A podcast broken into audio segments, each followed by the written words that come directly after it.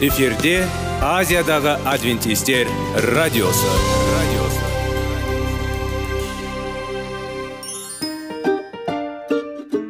сәлем достар. Денсаулық өмір бұлағы және біздің бірінші байлығымыз демекші денсаулық сағаты рубрикасына қош келдіңіздер. Біздің рубрикада біз әртүрлі факторларменен мәліметтерменен кеңестерменен бөлісіп шын жүректен сіздердің дендеріңіз сау болғанын қалаймыз. Сол үшін біздің рубрикаға қош келдіңіздер. Дайындалып тұрыңыздар. Өйткені келесі минуттарда қызықты фактілерге ие боласыздар. Енді достар ең бірінші байлығымызды қолымызға алып алға кеттік.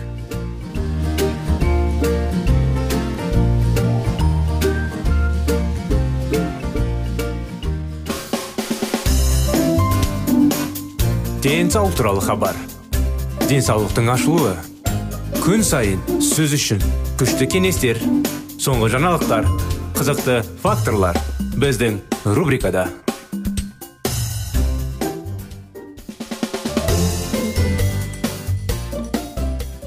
сәлем достар ассалаумағалейкум біздің радио құрметті тыңдаушылар мінекей біздің денсаулық сағат бағдарламамызға қош келдіңіздер келіңіздер әрдайым денсаулыққа пайдалы кеңестер мәліметтер алып кей арнайы бір оқиғаларды біліп өзімізге үлгі алып керемет өмірді дұрыс денсаулықпен өмірді ұзартатындай тақырыптарды зерттеп әңгімелейміз.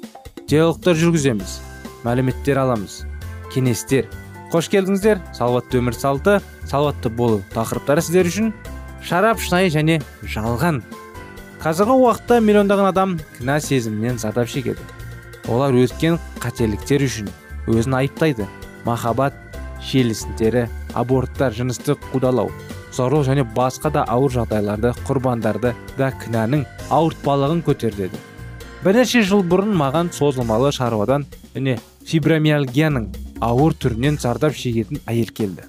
Бірақ одан да нашар оның кінә сезімі қиналды. Мен түсінгенім бойынша оның естуімде бұл екі аурудың басына дейін ол бастан өткізуді ажырасты. Ажырасуға дейін менің емделушім күйеуінің көршісімен қарым қатынасы туралы білді. Барлық басқа бұл көршісі жақсы болды бұл әйелдің досы.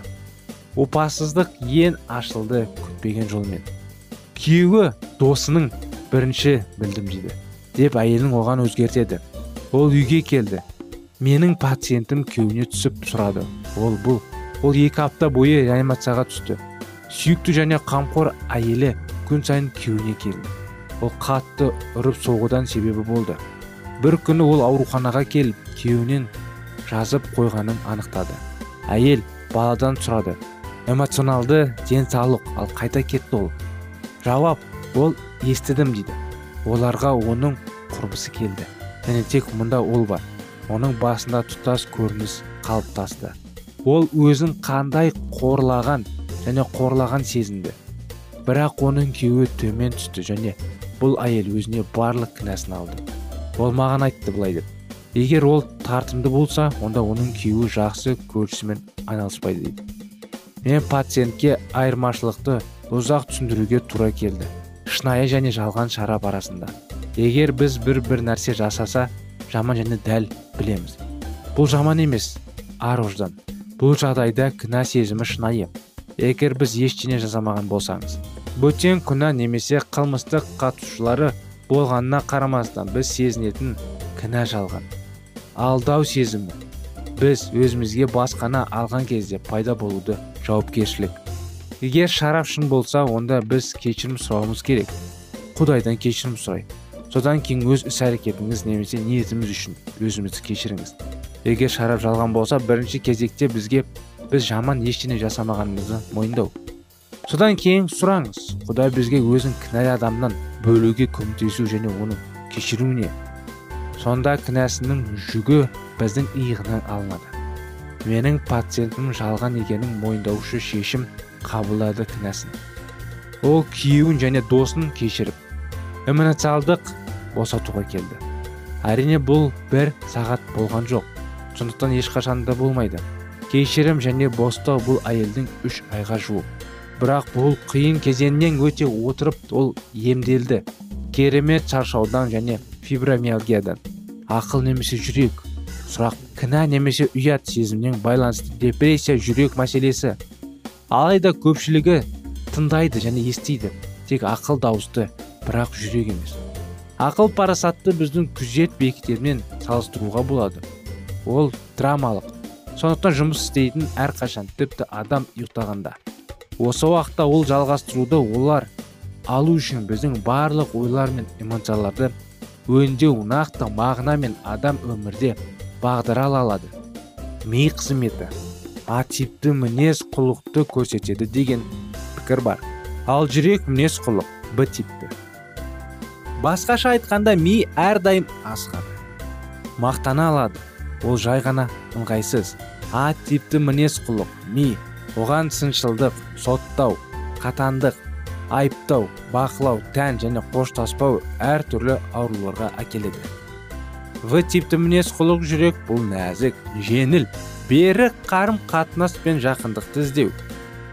Егер ми әрқашан болса экстрим және жарылыс қалайды. Жүрек байланыс орнатуға ұмтылады. Барлығы миға құйылса жүрек сезімге толы. Бұл ескертуде көрсетіледі. Ол ұмытылған ренжіген жараланған ауырсыну мен ренжітуге толы. Жүрек жағдайы қандай? Стресс және жиі депрессия. Жүректі таңдаймыз. Өз жүрегіңді қалай тыңдауға болады?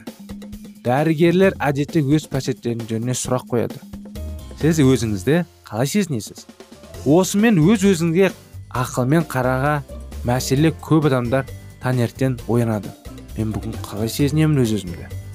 Алайда эмоционалдық жағдайы түсіну үшін өзіңізде де өзің қалай сезініңді кім жанында? Шынайы және адал болыңыз. Егер сіз көрсеңіз адамдар сізді бақылаудан сезінеді. Егер олар зұлымдық пен ренжіген болса онда сіз тек ақыл ой қозғайсыз.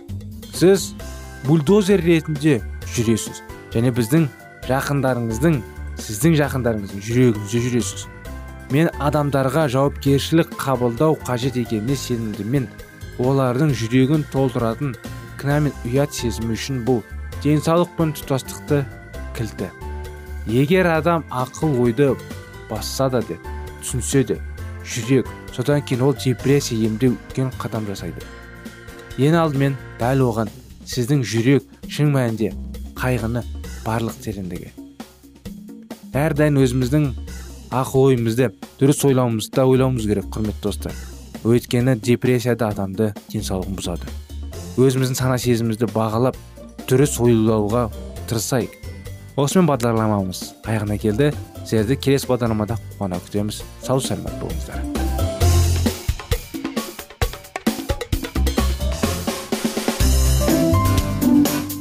Денсаулық туралы хабар. Денсаулықтың ашылуы. Күн сайын сөз үшін күшті кеңестер соңғы жаңалықтар қызықты факторлар біздің рубрикада.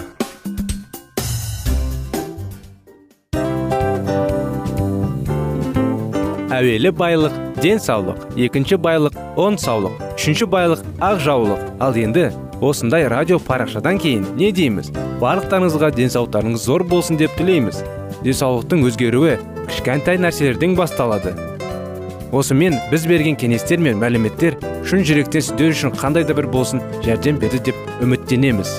Тыңдаушыларымызбен келесі радио парақшасына дейін қоштассамыз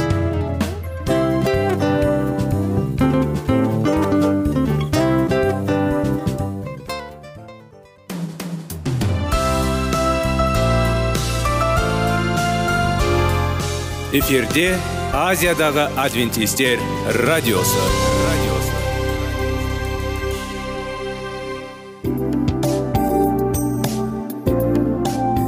Сәлем достар. Барлықтарыңызға шын жүректен сөйлесек рубрикасына қош келдіңіздер деп айтпақшымыз. Шын жүректен сөйлесек бағдарламасы әртүрлі қызықты тақырыптарға арналған. Шындығында шын жүректен сөйлесек деген сөздің мағынасы екі достың екі адамның ортасындағы шын жүрекпен сөйлесуі бір біріне сенуі ашықтық пен шындықты білдіреді. Сол үшін біздің бағдарламалар әртүрлі қызықты тақырыптарға арналған. Дайындалыңыз жаңа қызықты мәліметтерге ие болуға. Ондай болса кеттік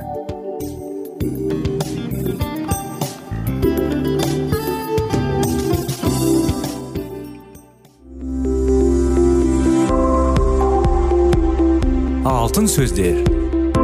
Сырласу. Қарым қатынас жайлы кеңестер мен қызықты тақырыптар. Шын жүректен сөйлесейік рубрикасында.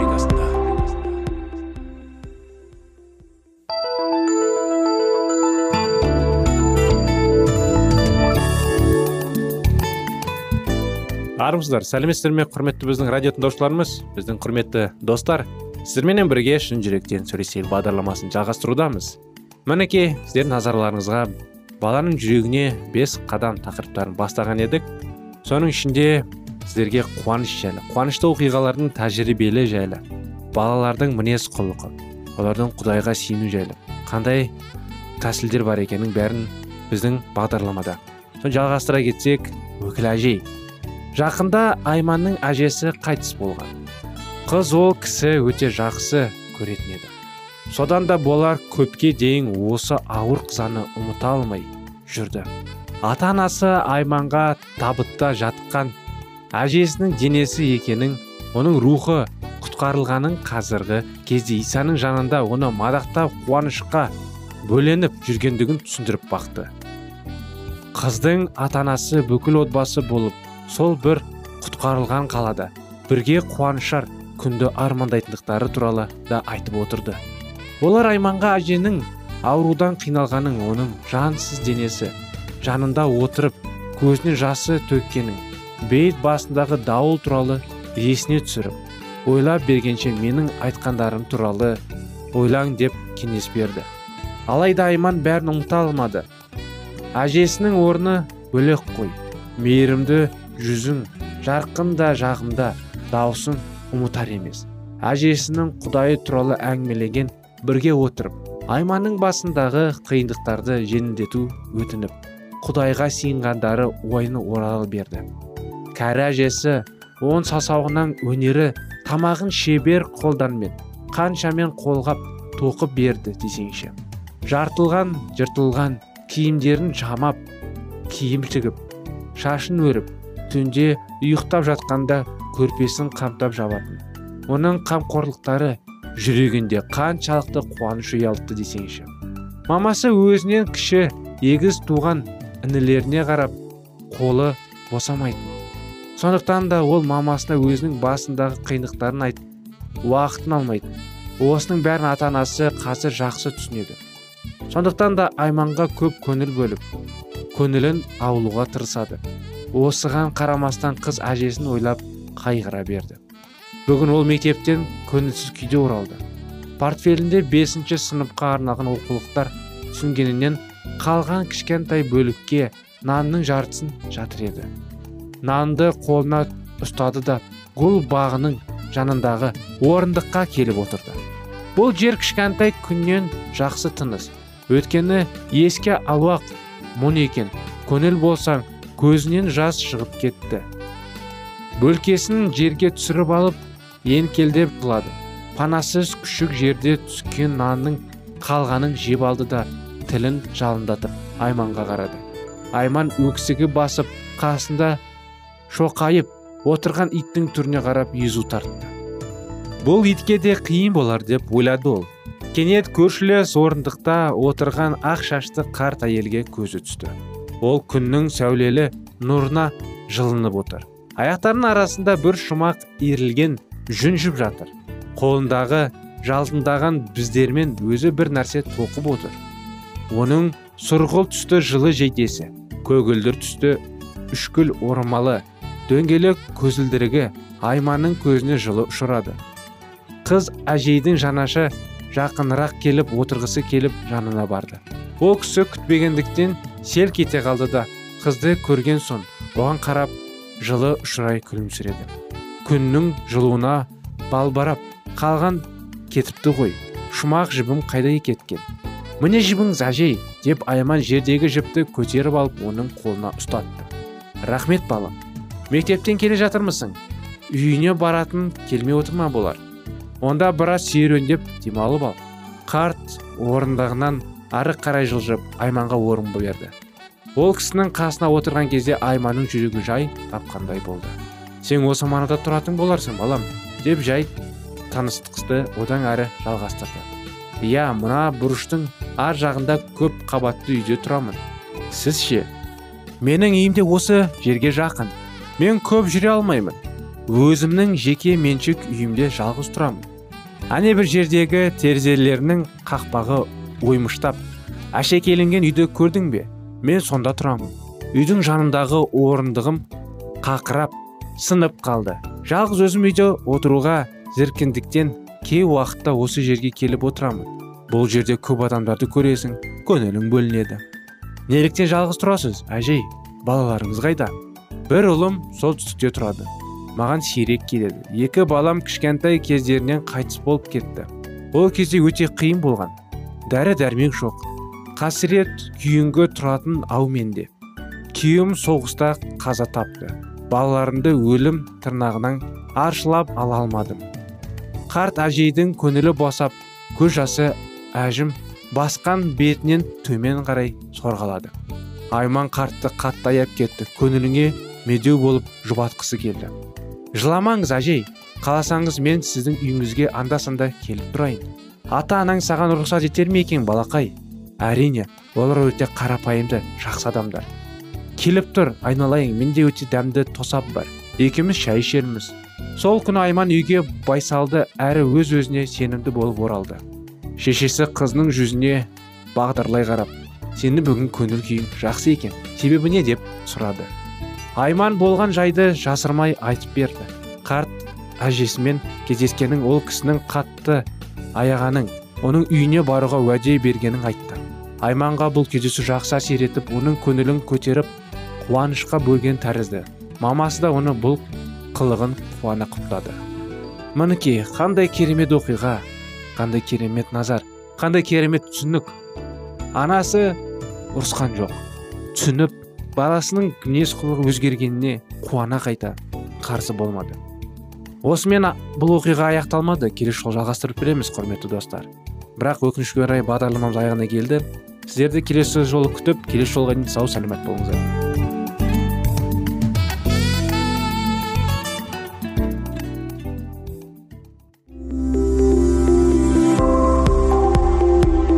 Алтын сөздер. Сырласу. Қарым қатынас жайлы кеңестер мен қызықты тақырыптар. Шын жүректен сөйлесейік рубрикасында.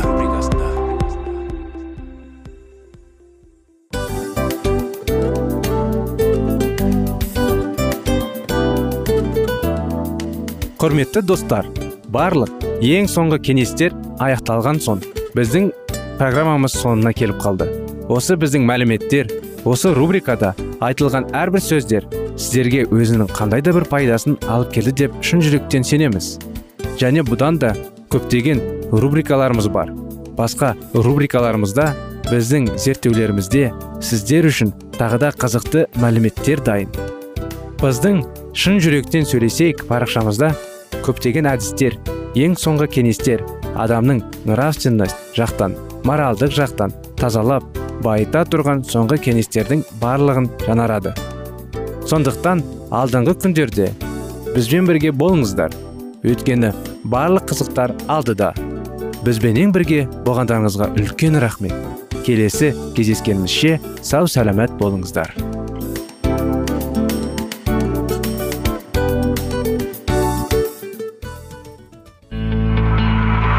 Жан дүниеңді байытқан жүрегіңді жаңғыртқан өмірдің мағынасын ойландырған рухани жаңғыру рубрикасы.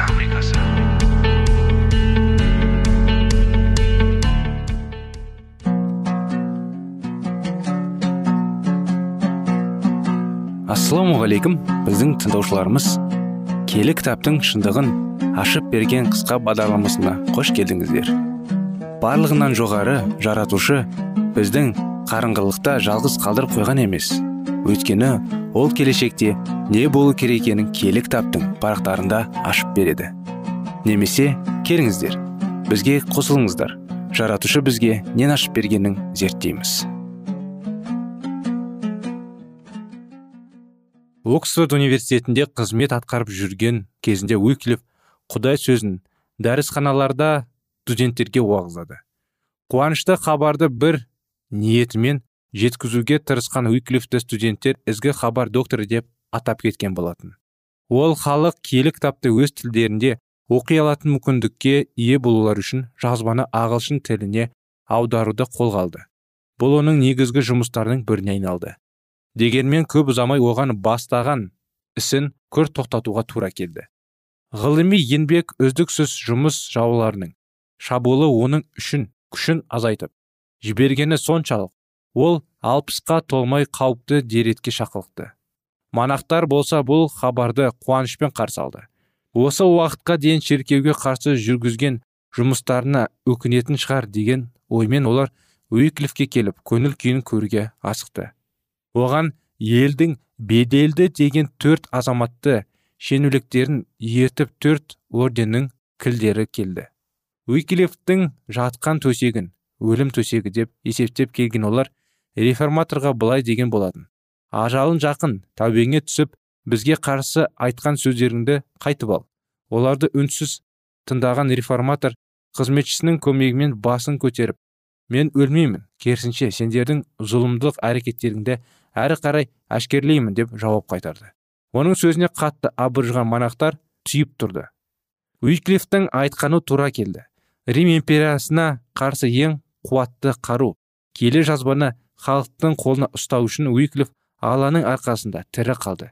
Келі кітапты ағылшын тіліне аудару үстінде оның жолында көптеген қиыншылар мен кедергілер кездесті. Науқас тула бойына тарап мен деген сайын ол өзінің науқатының уақытының шамалы қалғанын жақсы білді. Бірақ киелі рухтың күшімен шабытынан уиклиф еш қорқынсыз алға басты. Тәжірибесі де білімі де жеткілікті болған ол. Бұл үлкен істі атқаруға дайын еді. Ақыры киелі кітап ағылшын тіліне аударылып шықты. Және кез келген адамның оны өз тілінде оқуға мүмкіншілігі пайда болды. Үйкіліп өз елінің гүлдеуіне үйлесін қосып халқының кесір көргенсіздік мәдениетсіздік сияқты жаман қалықтардың құрсауынан басып шығуына себебін тигізіп өзінің соңынан ешқашан өшпейтін шындықтан шырағын қалдырды. Енді реформатор занданан да алуадан да қорықпады. Ол кезде баспасөз деген болмағандықтан кітап жазып шығару деген өте қиын еңбек болатын. Халықтың киелі кітапты именденуге деген ықылас зор болды. Сондықтан көпшілік халық оны бірінен бірі көшіріп алып оқып жатты. Шамасы жеткендері киелі кітапты тұтастай сатып алса шамасы жетпегендер оны кейбір бөлімдерін алып құдай сөзін сусындады. Кей кездері жанұялар киелі кітапты бірігіп сатып алған. Осы жолмен үйклифтің киелі кітапты қарапайым жандардың үйіне де жетті. Ақиқатты өз көздерімен көріп оқып ой сараптасымен өткізген адамдар енді рим папасына мүлтіксіз бағынуды тоқтатты. Уиклиф халыққа протестантизмнің негізгі қағидалары киелі кітаптың шындық екенін және құтқарудың жалғыз ғана жолы иса мәсіхке сену екенін уағыздады. Уиклифтен дәрі салып шыққан азаматтар халыққа киелі кітаппен қоса уиклифтің жазған жеке еңбектерін де таратты. Келі жазбаның халықтар арасына таралып кеткенше шіркеу басшыларын қатты қобал жатты енді оларға жалғыз уиклифке ғана емес одан мың есе артық күшпен шайқасуларына тура келді. Ол кезде киелі кітап ағылшын тілінде болмағандықтан англияда оны оқуға тыйым салынатын заңда болған жоқ. Кейін құдай сөзі ағылшын тілінде пайда болысымен оны оқуға тыйым салатын заң жедел түрде шығарылды. Десе де соған қарамастан киелі жазба жер жерге тарап жатты. Тағы да папаның көсемдері реформатордың үнін өшірудің жолын іздеді. Үш трибунал уиклифтің бетін қайтара алмады. Епископтардың бірінші жиналысында уиклифтің еңбектері сандырақ деп жарияланып жас король ричард екіншісі қолдауымен діндарлар кімде кім бұл ілімді қабыласа заңдағы тасталды деген патшаның үкімін шығарды. Уиклиф парламентке үндеу тастады. Ол шіркеудің барлық зұлымдық әрекеттері мен халыққа жасап отырған қиянатын батылдықпен айыптады. Дін әкелерінің бұзылғандықтары мен сарындақтарын көңілге қонарлықтай етіп суреттеп берді. Оның сөздері жауларын дүрілдіктерді юклифтің бұрынғы жақтаушылары мен жолдастарына амалсыз папаға берулеріне тура келді. Ал жаулары болса қайраған шағынды жалғыз қалған реформаторды біздің тәжіміздің алдында бас еді деп есептеді. Уиклифтің жалында сөздеріне алаңдаған парламент оның ізіне түсушілерге тойтарыс беріп реформатор қайра бостандыққа шақты осылайша папаның көсемдері өздері жеңіліске ұшырады. Көп ұзамай уиклиф үшінші рет патшаның жоғарғы діни сотының алдына келді. Папаның көсемдері осы жолы уиклифтің ісі аяқталды. Ол өз ілімнің бас тартады. Болмаған жағдайда оны алау күтіп тұр деп есептеді. Бірақ уиклиф дегеннің қайтпайды. Екі жүздік оған тән қасиет емес еді.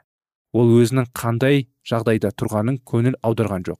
Тыңдаушыларына құдайдың соты болатынын және әрбір пенденің ісін мәңгілік шындықтың таразына салынатынын ескертті. Оны келі рух қолдап тұрған байқалды. Отырған адамдар тұруға шамалары келмей орындарына жабысып қалғандай болды. Оның жалынды сөздері құдайдың атқан жебесіндей тыңдаушылардың жүректеріне қадалып жатты. Өзіне жапқан жаланы ол жауырларының мойындандарына аударды. Неліктен? деді ол. Бұлар шындықты мойындамай өз дегендерінде қасарласып тұрады. Өйткені олар дүние жинау мақсатына құдайдың рақымымен сауда жасайды. Айтыңдаршы сіздер кіммен күресіп жатырсыздар деп ойлайсыздар.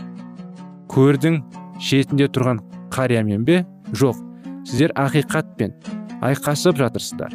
Бірақ біліп қойыңыздар ақиқат сіздерден үлкен ол сіздерді жеңеді. Сонан соң уиклев сөзін аяқтап ғимараттан шығып кетті. Оны тоқтатуға ешбір жанның батылы бармады. Осымен уиклифтің еңбек жолы аяқталып шындықтың туын жоғары көтеріп ұстаған қолы төмен түсуге жақын қалды.